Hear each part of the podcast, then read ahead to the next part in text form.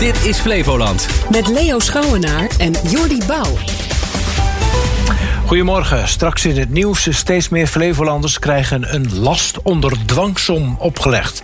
Wat dat nu precies is en of dat helpt, hoor je zo meteen. En in appartementencomplexen in Lelystad hebben bewoners last van heel veel vliegen. De mensen willen graag kouder weer, want dan verdwijnt die gelukkig. Nou, wat het precieze probleem is, dat hoor je over een paar minuten. Je hoort het steeds vaker mensen die een last onder dwangsom krijgen opgelegd door een burgemeester. Jeugd die relde op werk kreeg dwangsommen aan de broek. Maar ook in Lelystad en Almere wordt het gebruikt om mensen in het gereel te houden. Je doet iets wat niet mag en krijgt erbij een waarschuwing. Als je het nog een keer doet, moet je een dwangsom betalen. En dat kan oplopen tot duizenden euro's. Een rechter vooraf is niet nodig. Het lijkt te werken, maar zijn er ook gevaren? Luister naar een verslag van Reo van der Weijden. De ouderwetse sheriff in cowboyfilms beslist vaak in zijn eentje wie de boef is en wie niet. Is dat waar we naartoe gaan als een burgemeester ogenschijnlijk makkelijk een last onder dwangsom kan opleggen? En daarmee dus schuldig aanwijzen zonder tussenkomst van de rechter. Je hoort burgemeester Kees van den Bos van Urk. Het is absoluut niet zo dat ik door een dorp loop en eens kijk van... kom op, waar kan ik tegen optreden? Nee, het is dat je uiteindelijk zegt van joh... dit plusje, wat jij als burgemeester kunt... zou eigenlijk nodig zijn om bepaalde jongeren op het goede pad te krijgen. Nou, en zo moet je hem eigenlijk zien. Dus absoluut geen sheriff, echt burgervader. En waar het nodig is, treed je uiteindelijk als burgemeester op. Het strafrechtssysteem in Nederland piept en kraakt. Relschoppers, zoals hier op Urk, komen vaak weg met hun schaamteloze gedrag. Als ze al gepakt worden, heeft de rechter er vaak geen tijd voor. Als burgemeester zit je dus met een probleem. En dan is de last onder dwangsom een handig middel. Autoriteit op het gebied van recht is hoogleraar Jan Brouwer van de Universiteit van Groningen. Hij snapt de aanpak van de burgemeester van Urk wel. Je zoekt naar effectieve instrumenten en dat is het strafrecht vaak niet. Dan komen mensen er met een taakstrafje of een kleine geldboete af. En dit is echt, nou ja, een serieuze sanctie. En hij wordt niet meteen opgelegd, maar het is een soort van. Denk eraan, als je, je bent het nu nog niet kwijt. Als je je blijft gedragen, alles prima. Maar op het moment dat je weer in de fout gaat, daar gaat hij, hè? Burgemeester Van den Bos zegt ook dat normale boetes geen indruk maken. En dat jongeren vaak een boete kregen van 95 euro, daar, daar wordt om gelachen. En op het moment dat wij zijn bestuurlijke rapportage sturen, gaat er ook een brief naar de ouders. Dat betekent dat ze ook bij hun ouders in beeld zijn. En die hadden niet altijd in de gaten dat hun jongen dit deed.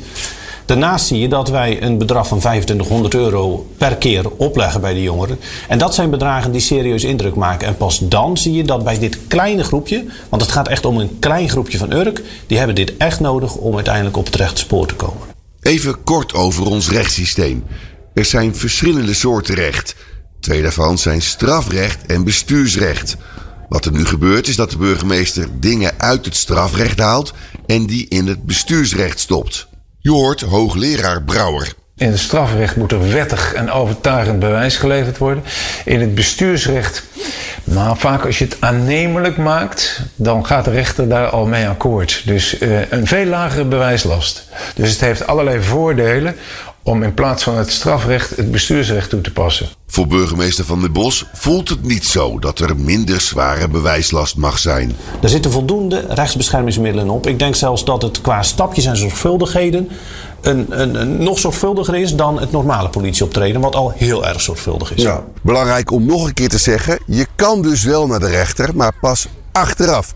Je bent direct schuldig zonder tussenkomst van die rechter. Loopt de inzet van dit middel dan niet uit de hand? Je hoort nog een keer hoogleraar Brouwer. Ja, dat is een risico, maar dat is een tendens die we op dit moment heel nadrukkelijk zien. Er zijn talloze voorbeelden waarbij we zeggen: ja, hier probeert die, bestuur, die, die, die burgemeester toch via het bestuursrecht criminaliteit te bestrijden. Maar is het niet krom dat je de normale manier dan maar overslaat? Moet het rechtssysteem dan niet anders? Daar zijn we gebonden aan internationaal recht. En eh, dat, dat kan niet. Dus uh, het internationale recht stelt allerlei eisen aan de inhoud van dat strafprocesrecht, zoals het heet. En dat kun je niet zomaar omgooien. Nee, dat gaat niet.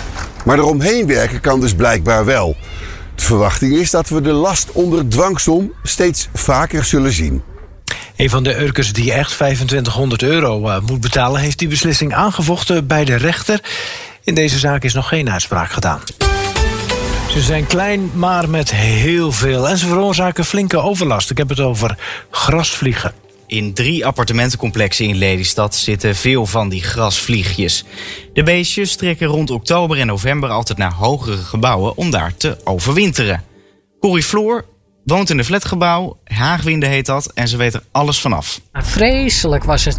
Die hele bovenkant was helemaal zwart. De ramen was één zwart, net voor een zwart gordijn hing. Zo erg was het. Hoeveel waren het er, denkt u? miljoenen. Miljoenen. Echt wel, zoveel. Je kon niks open doen. En hoe kan het dan dat dat nu allemaal weer weg is? Want ik heb elders in het appartementencomplex gekeken.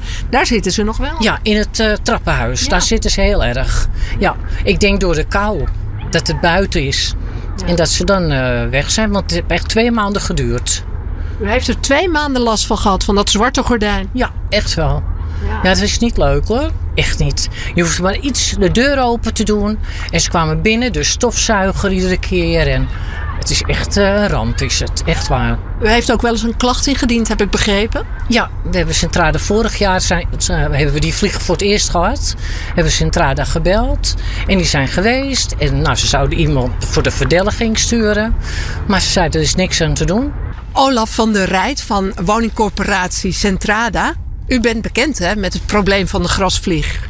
Ja, we zijn bekend daarmee en eh, het is iets wat helaas in sommige complexen jaarlijks terug kan komen. Waaronder bij dit complex. Ehm, en het zijn een aantal complexen op dit moment eh, waar het probleem zich voordoet. Ehm, ja, heel vervelend, vooral ook voor de bewoners. Krijgt u veel klachten van de bewoners? We krijgen een aantal klachten, want eh, eh, op het moment dat ze natuurlijk binnenkomen, ja, kan het tot overlast eh, geven. En het vervelende is dat we er niet zo heel veel aan kunnen doen. Wat we altijd adviseren is, zorg in deze periode van het jaar dat die ventilatieroosters echt dicht worden gemaakt, zodat die insecten niet binnen kunnen komen. Mocht ze eenmaal toch binnen zijn, om dan met een stofzuiger even de boel weg te zuigen. En voor het overige is het wachten op koud weer volgens mij. Hè? Koud weer inderdaad, daar houden deze insecten uh, niet van. Uh, en dat is helaas het enige wat we daaraan kunnen doen. Dus dat is heel vervelend, maar dat is ook het enige. Nu kan ik me voorstellen dat wanneer u dat zegt tegen bewoners, dat de bewoners zeggen: ja, je moet meer doen. Er moet bijvoorbeeld met gif worden gespoten of zoiets, want wij willen van die overlast af. Ja, dat kunnen we ons ook voorstellen. Alleen uh, onze ervaring en ook die van andere corporaties, dat is geen permanente oplossing. En daar zijn ook allerlei voorwaarden aan verbonden. Dus het blijft helaas een probleem uh, waar niet één structurele oplossing voor te vinden is. Bij Olaf eh, van der Rijt van Centrade. Hoewel de beestjes wekenlang overlast kunnen veroorzaken, is er een schrale troost. Want als het kouder wordt, gaan de vliegen weg. En bovendien zijn ze niet schadelijk voor de gezondheid en brengen ze ook nog eens geen ziektes over. Wat heb je gisteren allemaal gemist op radio en televisie? Nou, het smullen voor de politieke nerds, want het eerste verkiezingsdebat was bij College Tour. Dylan Jezielkus, Frans Timmermans, Caroline van der Plas en Pieter Omzicht gingen gisteren met elkaar en met studenten in debat. Nou ja, waarom die vier? Die waren eerder te gast geweest in datzelfde programma. Dus ja, Twan had ze nog eens de klappen staan natuurlijk. Het ging onder meer over het compenseren van de generatie pechstudenten. Jezielkus vertelde daarbij ook over haar eigen studieschuld. Tegelijkertijd kom je nu op een arbeidsmarkt straks waar echt aan je getrokken wordt, waarom je gesmeekt wordt. En dat is, dat is wel een enorm uh, mooi moment om in ieder geval afgestudeerd te zijn. Wat uh, je niet weet hoe de toekomst eruit ziet en in mijn tijd niet zo was. Um, wat ook is, is dat je van een goede opleiding hebt kunnen genieten in een van de mooiste landen van de wereld. Dus dat zijn, en je hebt kunnen investeren nou, in jezelf. En ik snap, en ik snap, en ik snap dat dit in een u zaal gaat, met. Gaat niks doen, geloof ik, hè? Voor Ja, zeker wel. De, nee, maar wat daar gezegd is. Ja, nou, de studenten die gaan denk ik niet op haar stemmen als ik ze zo hoor lachen. Nee. Pieter Omzicht, die was ook de gast, je zei het al. Die uh, maakte uh, bij het verkiezingsdebat bekend dat we het lang verwachte partijprogramma van Nieuw Sociaal Contract morgen kunnen verwachten. Maar of Omzicht ook bereid is het premierschap op zich te nemen, nou, dat wilde hij nog eventjes voor zich houden. Dat verkiezingsprogramma dat krijgt u dinsdag. Zeker, maar dan kunt u toch vanavond ook vertellen, beste mensen in Nederland, kijkers thuis, mensen hier in de zaal. Ja, ik, zeg... ik ben premierskandidaat of niet. Geeft u daar toch duidelijkheid over? Nee, ik zeg Waarom u, niet? Omdat ik geïnteresseerd ben. Dat wil iedereen hier weten, denk ik van u. Nou, ik ben geïnteresseerd in het inhoudelijk debat. Nee, maar, dat, maar meneer Omzicht. Ja, ja nee, maar Twan. u heeft alle kansen. Ja, en ook herhaalde pogingen van presentator Twan Huis ja, leverden echt niets op. Aan tafel bij Talkshow Renze werd het debat nabesproken. Telegraafjournalist Wouter de Winter denkt dat de opstelling van Omzicht tijdens het debat bij sommige kiezers in het verkeerde keelgat zou kunnen schieten. We vinden het natuurlijk ook ergens, eh, hè, veel kiezers vinden dat, of dan moet jij maar zeggen, Gijs, die indruk heb ik. Dat, het is natuurlijk een eigenzinnige man. Hij doet het helemaal op zijn eigen manier en dat is ook wat hem nieuw en verfrissend maakt. Maar in dit geval, ja, Lijkt moment. misschien wel een politicus. Ja, en, en zou- ontstaat dus een soort irritatie van, man, zeg het nou gewoon. Maar volgens journaliste Elodie Verwij zat er juist een slimme strategie achter. Pieter Omtzigt is de man van de inhoud. eh, maar hierin heeft hij ook wel een strategie. Eh, het is toch een man die ons elke keer een snoepje geeft met... hé, hey, kijk eens, hou mij in de gaten. En dat is wat je volgens mij hier ziet. Eh, het is een man van grote woorden en hij heeft het ook vandaag goed gedaan, vond ik. Hij heeft veel inhoud gebracht. Hij heeft echt Ja. antwoord gegeven op vragen. Maar in dit geval blijkt hij ook wel een politicus met een strategie... om eh, zoveel mogelijk stemmen binnen te halen. Ja, elke dag een snoepje van Pieter. Lekker hoor. Ik ben heel benieuwd wat er morgen gepresenteerd wordt. Ja, een programma. Nou, ik denk als je zijn boek hebt gelezen dat je al een eind op dreef bent. Maar goed, dat heb je in ieder geval gisteren gemist op radio en tv. We beginnen de sport met eh profvoetbal. Almere City heeft eh, zaterdagavond de punten overgehouden... aan de uitwedstrijd tegen NEC. In stadion De Goffert stond er na 90 minuten een 1-1 stand op het scorebord. En bij rust leidde Almere nog met 0-1. Trainer Alex Pastoor hield een dubbel gevoel over aan de wedstrijd in Nijmegen. Ja, het zit een beetje tussen eh, blijdschap en teleurstelling in. Teleurstelling omdat je, in ieder geval wij het gevoel hadden dat we de hele wedstrijd, eh, maar zeker in de slotfase, ehm, wel wat meer dan één punt zouden kunnen halen. Ehm, maar goed, eh, je hebt ook een redelijke blijdschap omdat ik vind dat we onder die omstandigheden eh, een fantastische teamprestatie hebben neergezet. En eh, nou, we hebben in ieder geval een punt, dus eh, dat is ook wel wat waard. Eh, je sluit een roerige week af. Hè? Eh, ik zei het net al even, jullie psychologe was vandaag niet aanwezig op de bank. Die heeft tijdelijk even de werk neergelegd. Heb je er gemist vandaag? Ze was er in ons gevoel volledig bij. En, en haar fysieke aanwezigheid heb ik natuurlijk gemist. Maar ze was er volledig bij wat mij betreft. Er is heel veel over gezegd en, en geschreven. Eh, ehm, verwacht je er snel weer terug eigenlijk op de club? Dat weet ik niet. We zullen dat eh, vanzelf beleven hoe dat, eh, hoe dat in zijn werk gaat. Maar nog even om te benadrukken, in ieder geval, het is haar eigen keuze. Hè? Gisteren zei van, ja, we hebben het in goed overleg samen besloten. Maar het komt eigenlijk op haar initiatief, hè? omdat eh, ze natuurlijk heel veel over de helft heeft gekregen. even te rectificeren. Ik heb niet gezegd in gezamenlijk overleg besloten. Ik heb wel gezegd dat het gezamenlijk overleg was. Maar het is haar beslissing geweest. Die we uiteraard gerespecteerd hebben. En nu gewoon afsluiten en, en door. Ja, precies.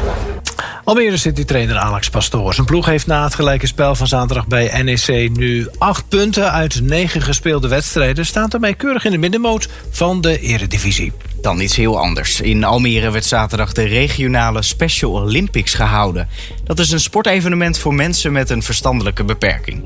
Deelnemers Tigo Roeters en Christa Flipvi hebben ervan genoten. Een heel mooi evenement voor mensen met een verstandelijke beperking of lichaambeperking. En hier laten zien gewoon dat je kan sporten. Ja, echt hartstikke leuk. Mensen kunnen zijn hoe ze zijn. Je hebt plezier. Je, kan, je leert ook kennis te maken. Dus ja. Hoe bedoel je, mensen kunnen zijn zoals ze zijn? Nou, ehm, een beperking. Veel mensen hebben natuurlijk ook beperking. Ze kunnen ze niet alle sporten kunnen meedoen. Maar wel leuk dat ze hier zo aan mee kunnen doen. Gaat het eh, om bij de Special Olympics natuurlijk. Meedoen is belangrijker dan winnen. De Olympische gedachte dus. En dat was de sport van het afgelopen weekend. De berichten van buiten Flevoland. Premier Rutte is vandaag in Israël. Hij gaat daar praten met premier Netanyahu en de Palestijnse president Abbas, zegt politiek verslaggever Xander van der Wulp. Hij wil een humanitaire pauze, zodat hulp de mensen in Gaza kan bereiken.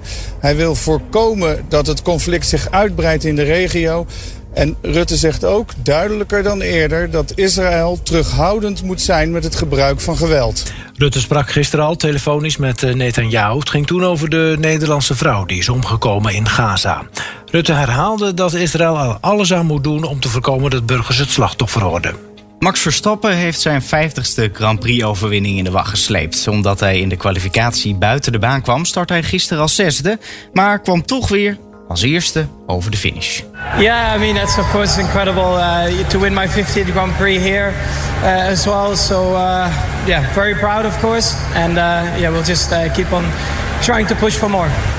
Hamilton die zat hem op de hielen en kwam als tweede over de streep, maar hij werd na afloop gedisqualificeerd. Dat ge- geldt ook voor Leclerc. Hun auto's kwamen niet door de technische keuring. Er was iets mis met de vloer van de auto. En dat betekent dat Hamilton dus niet langer de nummer 2 is. Norris schuift een plekje omhoog naar de tweede plaats. En Sainz is nu derde. Pieter Omzicht wil nog niet zeggen met wie hij eventueel een, eh, in een kabinet wil, zei hij gisteravond in het eerste grote verkiezingsdebat, dat van het College Tour. De leider van Nieuw Sociaal Contract zegt dat hij met meer partijen raakvlakken heeft. Ik voel me bij bestaanszekerheid meer verwant met eh, de heer Timmermans en met eh, mevrouw Van der Plas. En als het op migratie aankomt, denk ik dat het iets makkelijker met de VVD-zaken zal eh, doen zijn.